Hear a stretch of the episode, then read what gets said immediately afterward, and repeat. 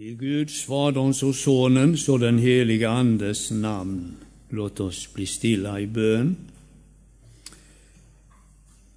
Kära himmelske Far, så vill vi tacka, lova och prisa dig för din nåd och godhet mot oss alla ända till denna stund.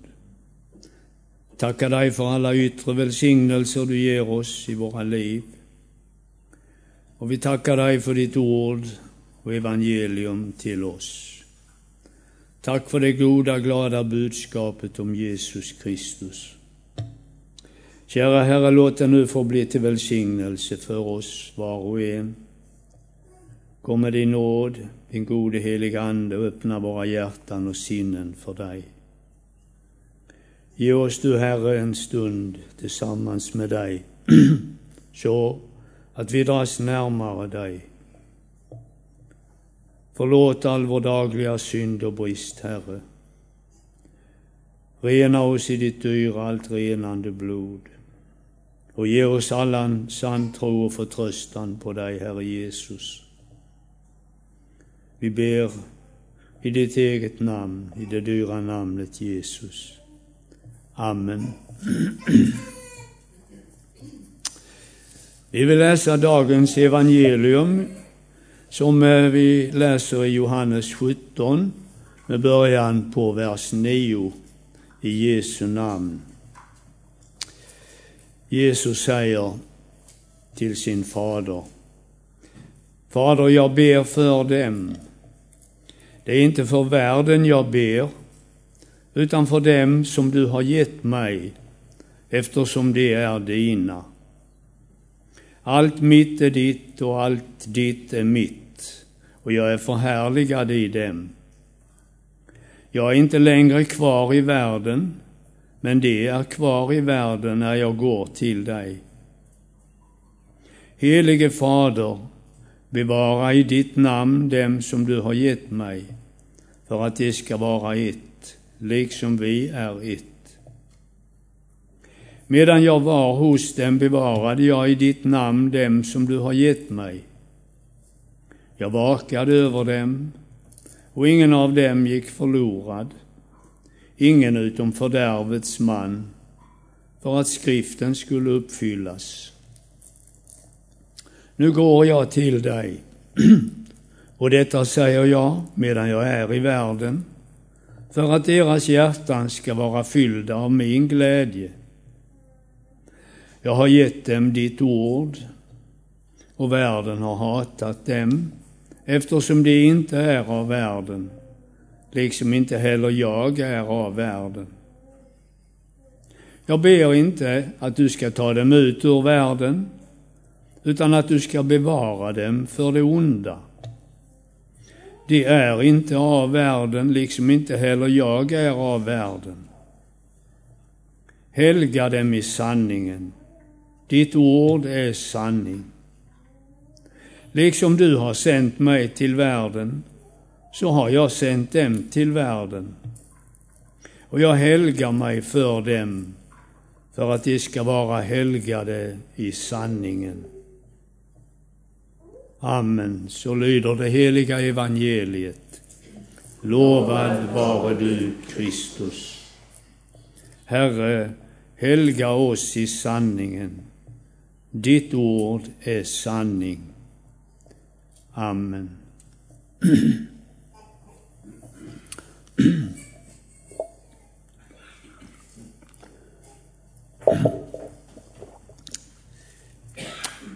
Vi möter Herren Jesus då han är tillsammans med sina lärjungar den sista kvällen före sitt lidande, skärtorsdagskvällen alltså. Han äter en påskmåltid tillsammans med dem och han håller sen ett avskeds och tröstetal till sina lärjungar. Förra söndagens och denna söndags evangelietexter är från detta tal och Jesu översteprästerliga förbön.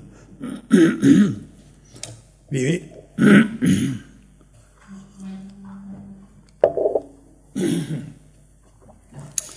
Vi finner de här talen och bönen i Johannes 13 till 17. Och läs gärna de här kapitlen, vänner, flitigt denna vecka. Man kan läsa dem flera gånger för att få med så mycket som möjligt. Och ge akt på alla de bönämnen som Jesus nämner i sitt tal och i sin bön. och det är de böneämnena som Herren Jesus nu bär fram inför Herren Gud, där han sitter på Faderns högra sida i himmelen. Det vittnar ju skriften tydligt om, att han har satt sig på Faderns högra sida. Paulus säger i Romarbrevet, vem är den som fördömer? Kristus Jesus är den som har dött, ja, än mer, den som har blivit uppväckt och som sitter på hög, Guds högra sida och ber för oss.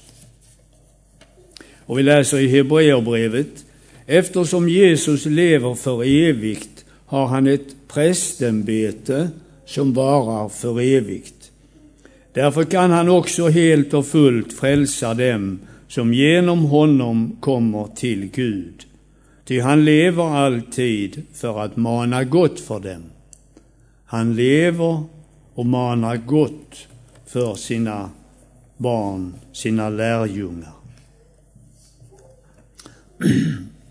Det sjuttonde kapitlet det börjar med att berätta att Jesus har avslutat sitt tal till lärjungarna. Och så skriver Johannes, sedan Jesus hade sagt detta såg han upp mot himlen och bad. Och så börjar den långa bönen. Fader, stunden har kommit, säger han. Förhärliga din son för att sonen må, förhärliga dig.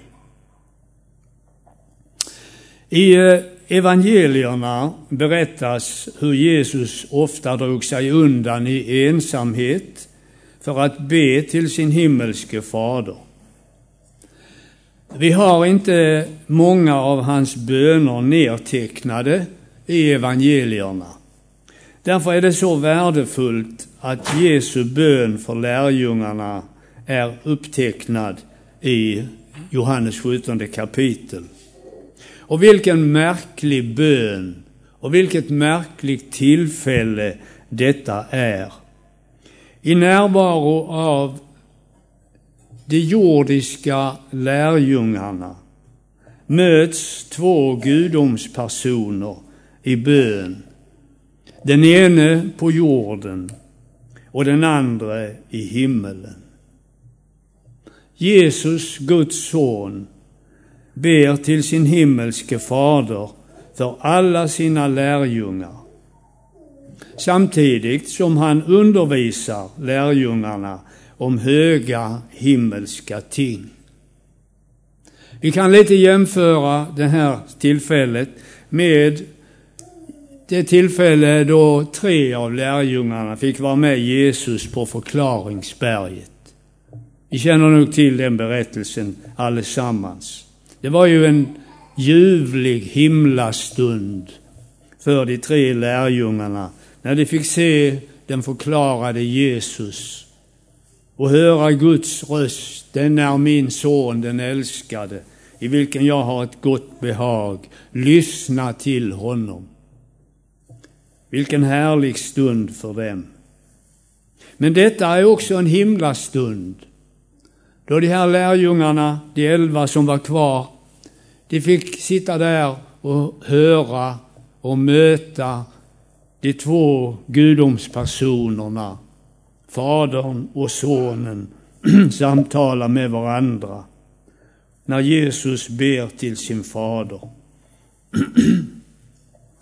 Och Jesus talar om för sin far att han har fullgjort det uppdrag han fått av Fadern.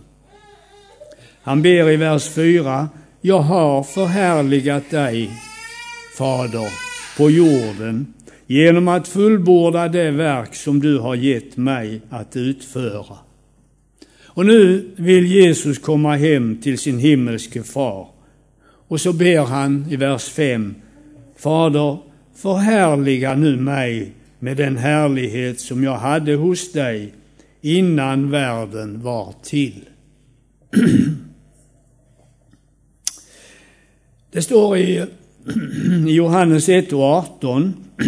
Ingen har någonsin sett Gud. Den enfödde som själv är Gud och är hos Fadern har gjort honom känd. Det var Jesu uppdrag här på jorden, att göra Gud känd för människorna. Och nu berättar Jesus för sin himmelske far hur han har gått till väga för att göra Gud känd och vad frukten har blivit. Han säger i vers 6 Jag har uppenbarat ditt namn för de människor som du har tagit ut ur världen och gett mig. De var dina och du gav dem åt mig och de har hållit fast vid ditt ord. Nu har de förstått att allt vad du har gett mig kommer från dig.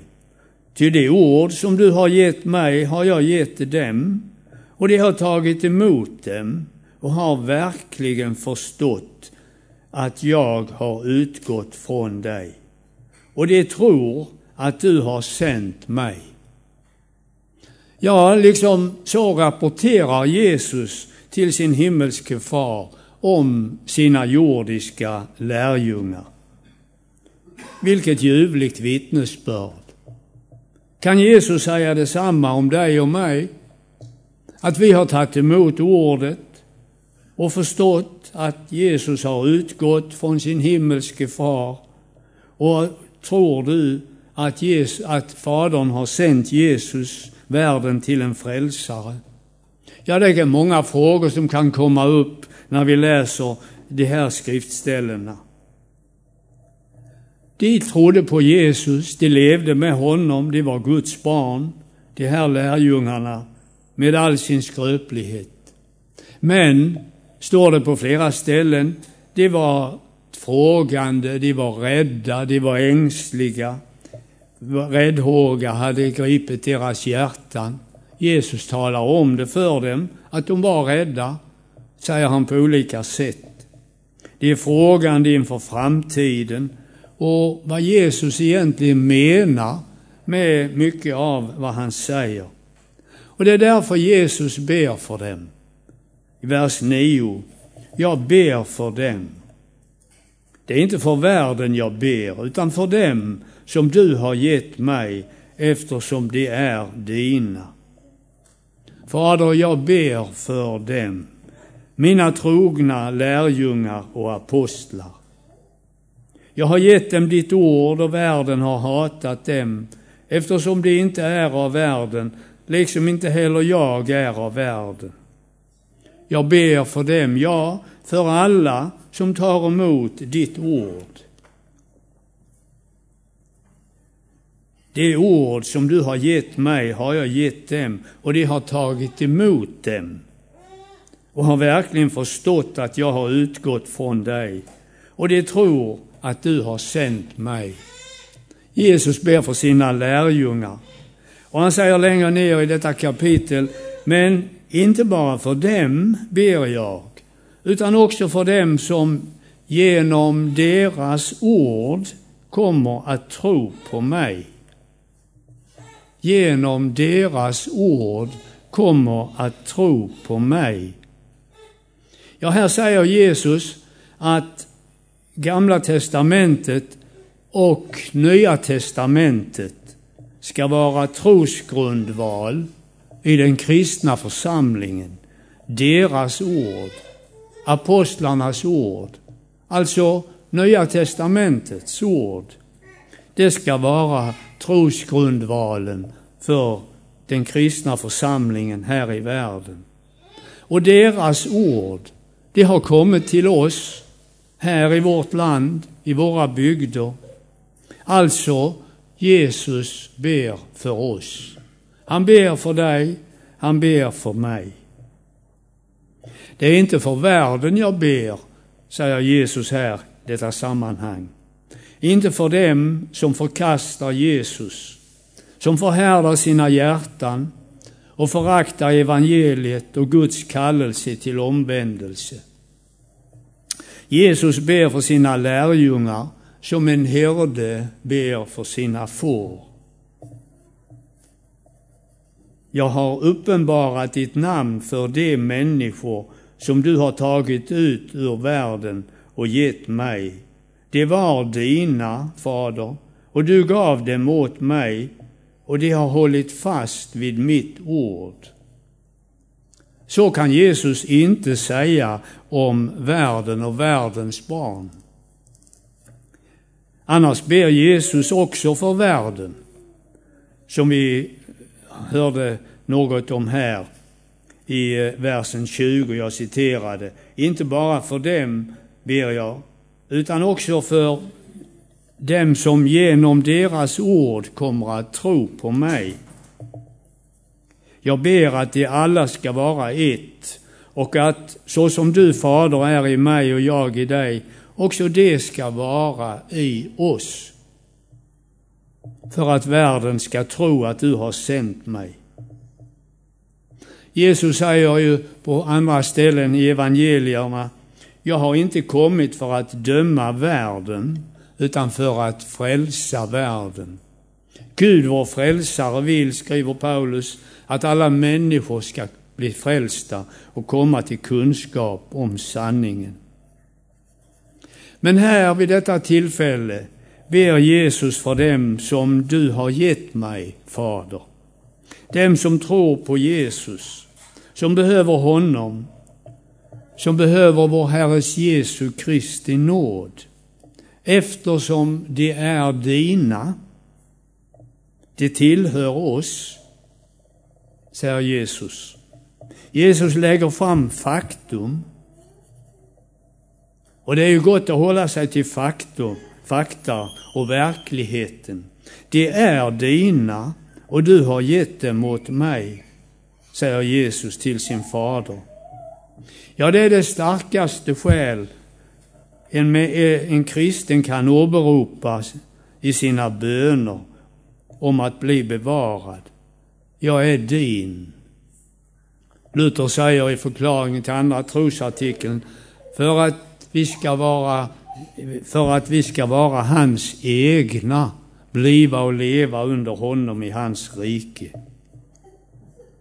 Och där är ett, en bönestrof i en sång vi har i sång, sångboken, börjar ut i din nåd, o Fader blid, så är det ett, en bönestrof där. Bevara själv vad jag, vad, för, bevara själv vad dig tillhör, att inte ett ont mig skada gör. Bevara själv vad dig tillhör. Det är ju dina och du har gett dem åt mig, säger Jesus. Paulus säger i Romarbrevet 8, Anden själv vittnar med vår ande att vi är Guds barn. Men är vi barn är vi också arvingar, Guds arvingar och Kristi medarvingar, lika visst som vi lider med honom för att också bli förhärligade med honom. En, Gud, en Jesu lärjunge tillhör Herren Jesus, tillhör Gud Fader, tillhör himmelen, tillhör Guds treenighet. Jesus säger vidare till sin far, allt mitt är ditt och ditt är mitt och jag är förhärligad i dem. Jag är förhärligad i dem genom att de tror att Jesus och Fadern har allt gemensamt. Jag och Fadern är ett, säger Jesus i ett annat sammanhang. Och så går vi Jesus vidare i vers 11. Jag är inte längre kvar i världen.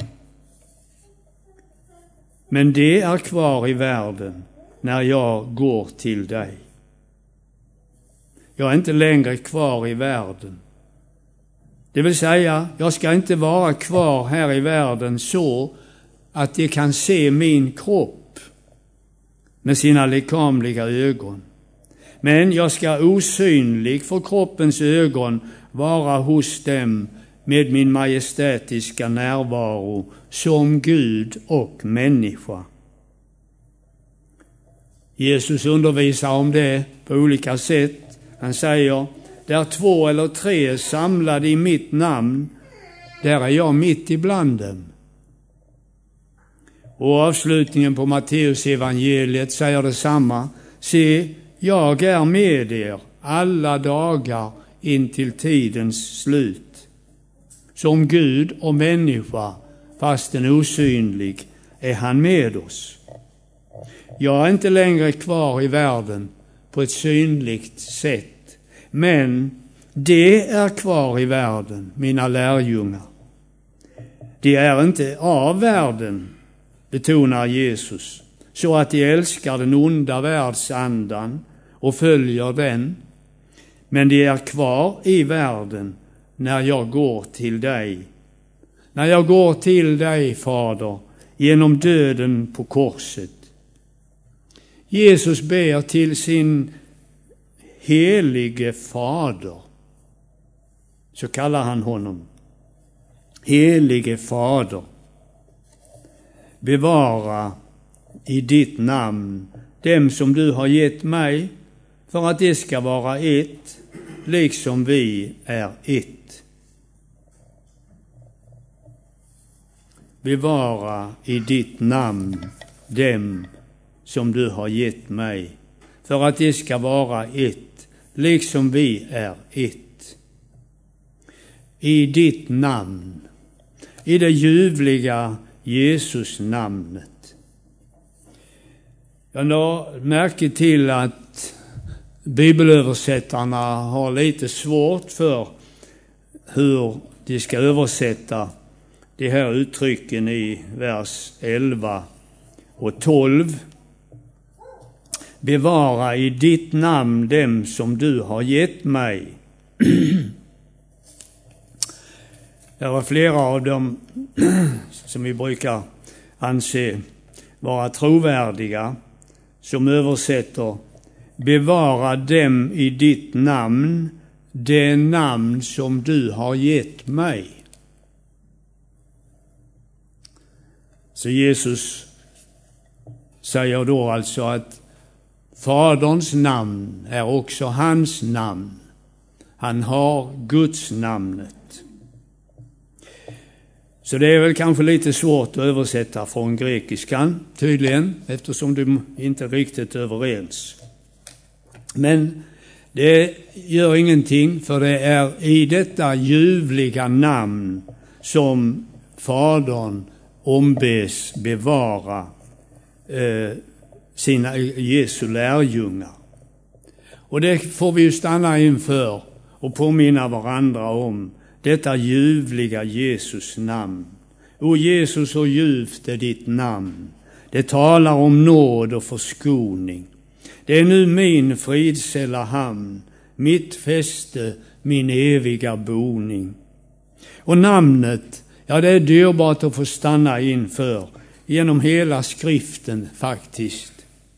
Det står ju i julepisteln där från Jesaja 9 och 6 om att det barn som ska födas ska få dessa underbara namn. Hans namn är under, rådgivare, mäktig Gud, evig fader, fridsfurste. Bevara dem i ditt namn, det namn som jag också har fått, ber Jesus under, rådgivare, mäktig Gud, evig fader, fridsfurste.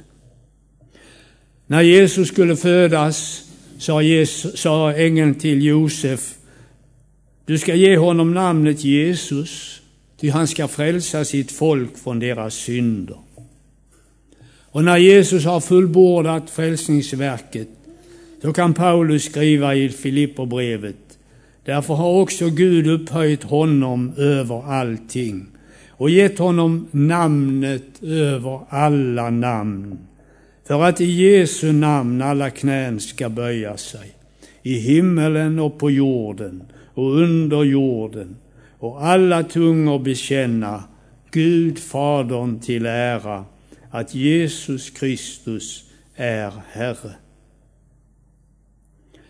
Medan jag var hos dem, ber Jesus, bevarade jag i ditt namn dem som du har gett mig.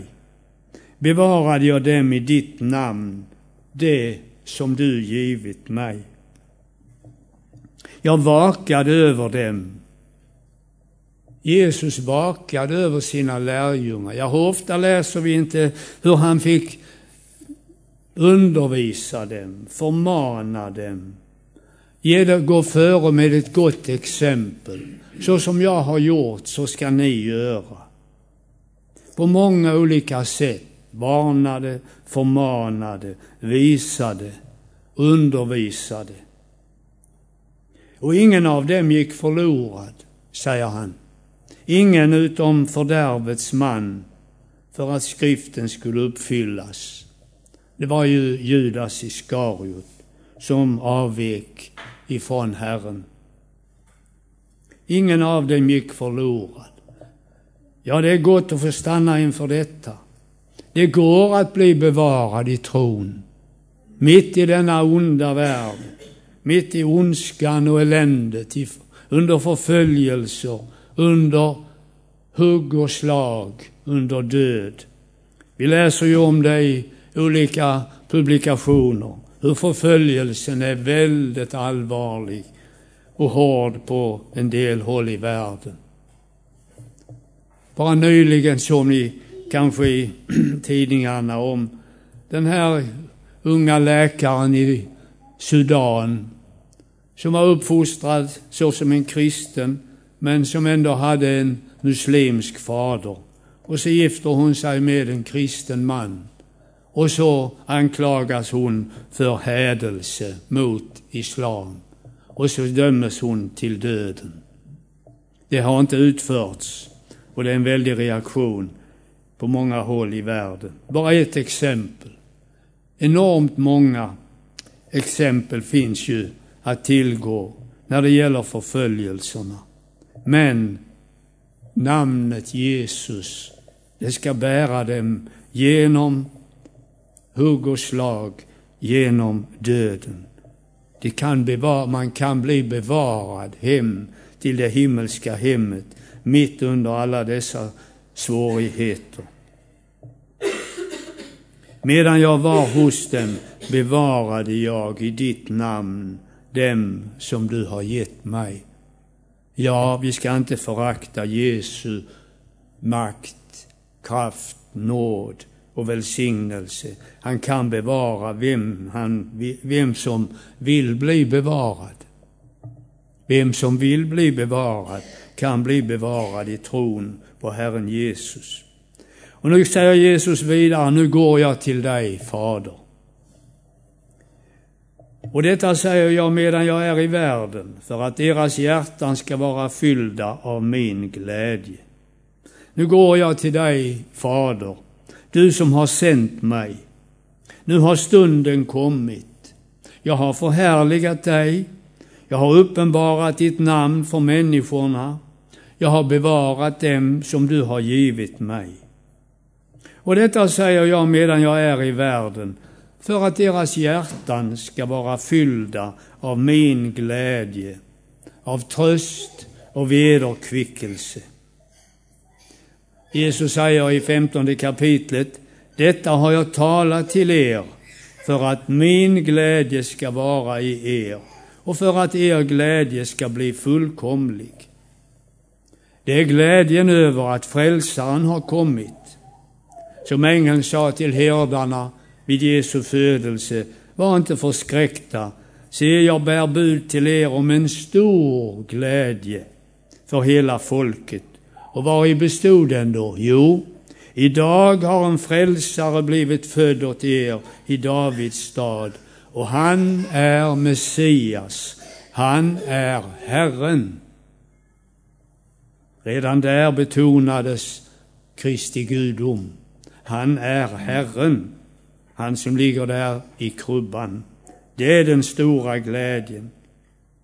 Deras glädje ska bli fullkomlig, säger Jesus. Glädjen över att få vara ett återlöst och benådat Guds barn i väntan på evigt liv och salighet. Nu går jag till dig och de får vara kvar i världen med denna glädje. Jag har gett dem ditt ord och världen har hatat dem eftersom de inte är av världen, liksom inte heller jag är av världen. Jag har gett dem ditt ord. Det är ett viktigt ord, uttryck här. Det har Jesus sagt många gånger på olika sätt i sin undervisning till lärjungarna och till judarna. Min mat är att göra hans vilja som har sänt mig och att fullborda hans verk. Jag kan inte göra något av mig själv. Efter det jag hör dömer jag, och min dom är rättvis, ty jag söker inte min egen vilja, utan hans vilja som har sänt mig. Och på ett annat ställe säger Jesus, jag har inte kommit ner från himlen för att göra min vilja, utan hans vilja som har sänt mig. Min lära är inte min, utan hans som har sänt mig. Och världen har hatat dem. Världen, Kristi fiender. Det som inte vill ta emot Kristus och nåden genom honom. De har hatat Jesu lärjungar eftersom de inte är av världen, liksom inte heller jag är av världen, säger Jesus. Att vara av världen, det betyder att vara formad av världen. Att tänka och värdera så som världen gör, med endast inomvärldsliga tankar då blir det självklart att man håller på sin rätt.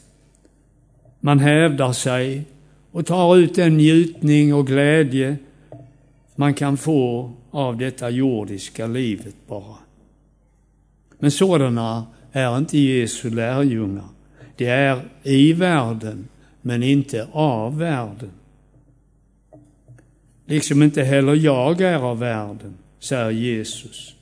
Att inte vara av världen, det betyder att tillhöra Jesus. Det betyder att ha en Herre som ger livet ett annat mål och andra värderingar än världen har. Världen märker det och reagerar med, fiend, reagerar med fiendskap. Så måste Jesu lärjungar leva i världen, men inte av världen. Och därför ber Jesus vidare, jag ber inte att du ska ta dem ut ur världen, utan att du ska bevara dem för det onda, eller den onde. Bakom allt det onda här i världen står den onde djävulen. Och lärjungarna ska bevaras genom att helgas invigas åt Gud, bli Guds egendom genom Jesus Kristus. Då bevarar Gud Fader lärjungarna om han får lov. David antyder detta i salmen 32 när han säger om Herren, lägger orden i Herrens mun, jag vill lära dig och undervisa dig om den väg du ska vandra. Jag vill ge dig råd och låta mitt öga vaka över dig. Så frikostig är Herren. Men så varnar han oss. Var inte som hästar och mulåsnor utan förstånd, på vilka man lägger tum och betsel för att tämja dem, annars får man dem inte fram. Jag ber inte att du ska ta dem ut ur världen, utan att du ska bevara dem för det onda, för synden, djävulen och världen.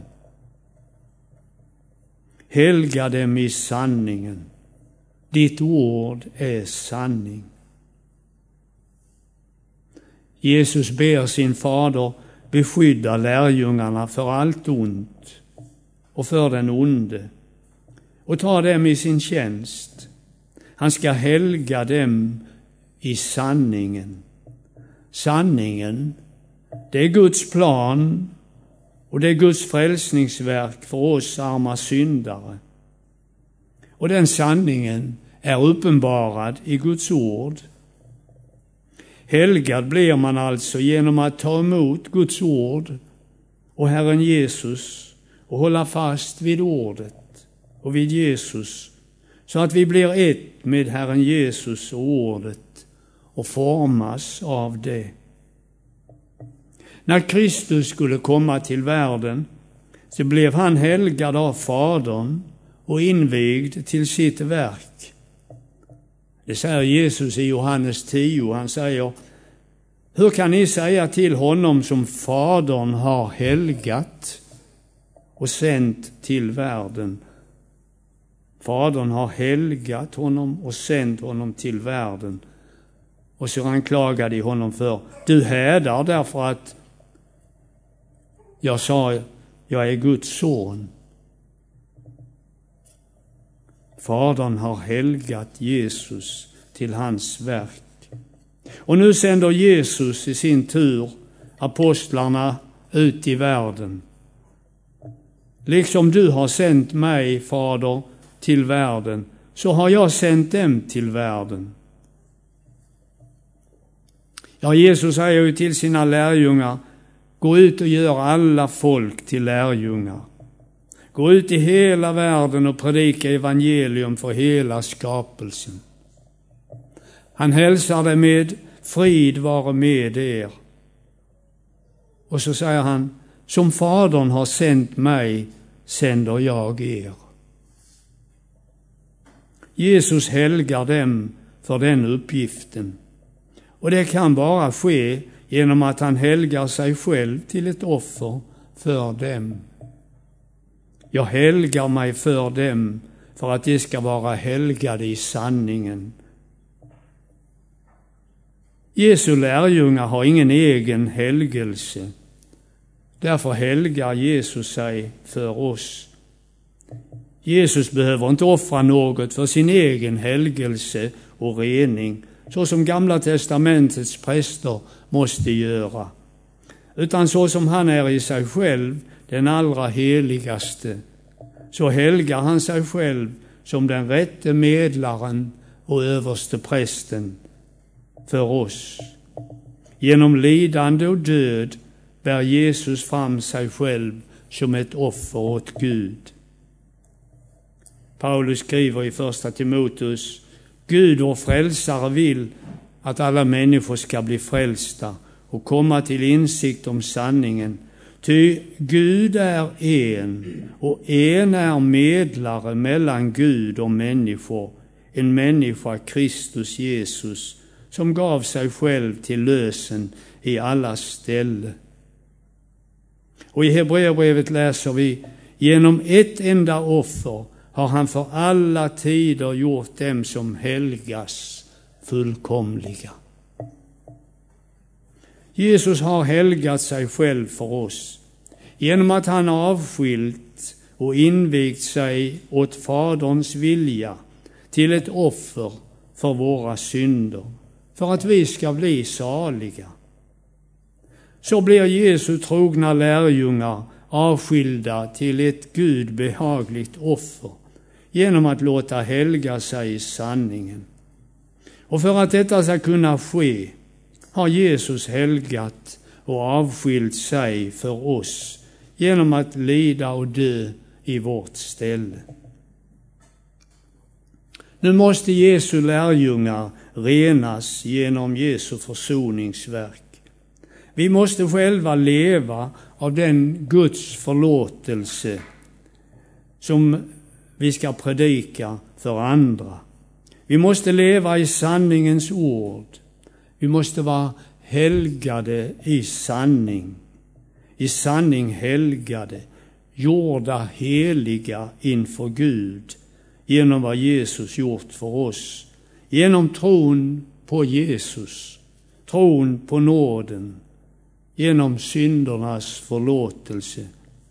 Och då kan ordet i första Korintierbrevet 1 och 30 går i fullbordan på oss. Honom har ni att tacka för att ni är i Kristus Jesus, som Gud för oss har gjort till vishet, rättfärdighet, helgelse och återlösning. Syndernas förlåtelse föder kärlek till Frälsaren, så att vi gärna vill vandra på hans vägar. Så som kallade till himmelen, till något oerhört högt, så som Paulus säger i eh, Kolosserbrevet. När Kristus träder fram, han som är vårt liv, då ska också ni träda fram i härlighet tillsammans med honom. Med dessa framtidsutsikter så säger Paulus och förmanar oss, döda därför era begär som hör jorden till. Otukt, orenhet, lidelse, lusta och girigheten som är avgudadyrkan. Allt sådant nedkallar Guds vrede över sin olydnadens barn. Bland dem vandrade också ni en gång då ni levde i dessa synder. Men nu ska också ni lägga bort allt detta, vrede, häftighet, ondska. Låt inte smädelser och fräckheter komma över era läppar. Ljug inte på varandra. Klä er som Guds utvalda, heliga och älskade i innerlig barmhärtighet, godhet, ödmjukhet, mildhet och tålamod. Ha fördrag med varandra och förlåt varandra om någon har något att förebrå en annan. Så som Herren har förlåtit er ska ni förlåta varandra. Över allt detta ska ni klä er i kärleken som binder samman till en fullkomlig enhet. Låt Kristi frid regera era hjärtan. Den frid som ni blev kallade till i, ett enda, i en enda kropp och var tacksamma. Låt Kristi ord rikligt bo hos er med all sin vishet. Undervisa och förmana varandra med salmer, hymner och andliga sånger och sjung med tacksamhet Guds lov i era hjärtan. Och allt vad ni gör, i ord eller handling, gör det i Herren Jesu namn och tacka Gud Fadern genom honom. Så går Jesu bön i uppfyllelse. Och så kan Jesu bön gå i uppfyllelse i ditt och mitt liv genom syndernas förlåtelse, genom Guds nåd i Jesus Kristus. Må Gud välsigna sitt ord till detta ändamål. I Jesu namn. Amen. Tack kära Herre Jesus, att du har kallat oss till himmelen. Tack att du har kallat oss till att höra dig till här på jorden och leva i din nåd och i din gemenskap och i din efterföljd. Herre, hjälp oss till detta och hjälp oss att vandra på dina vägar så att vi en gång blir evigt saliga av nåd för Jesu Kristi skull. Amen.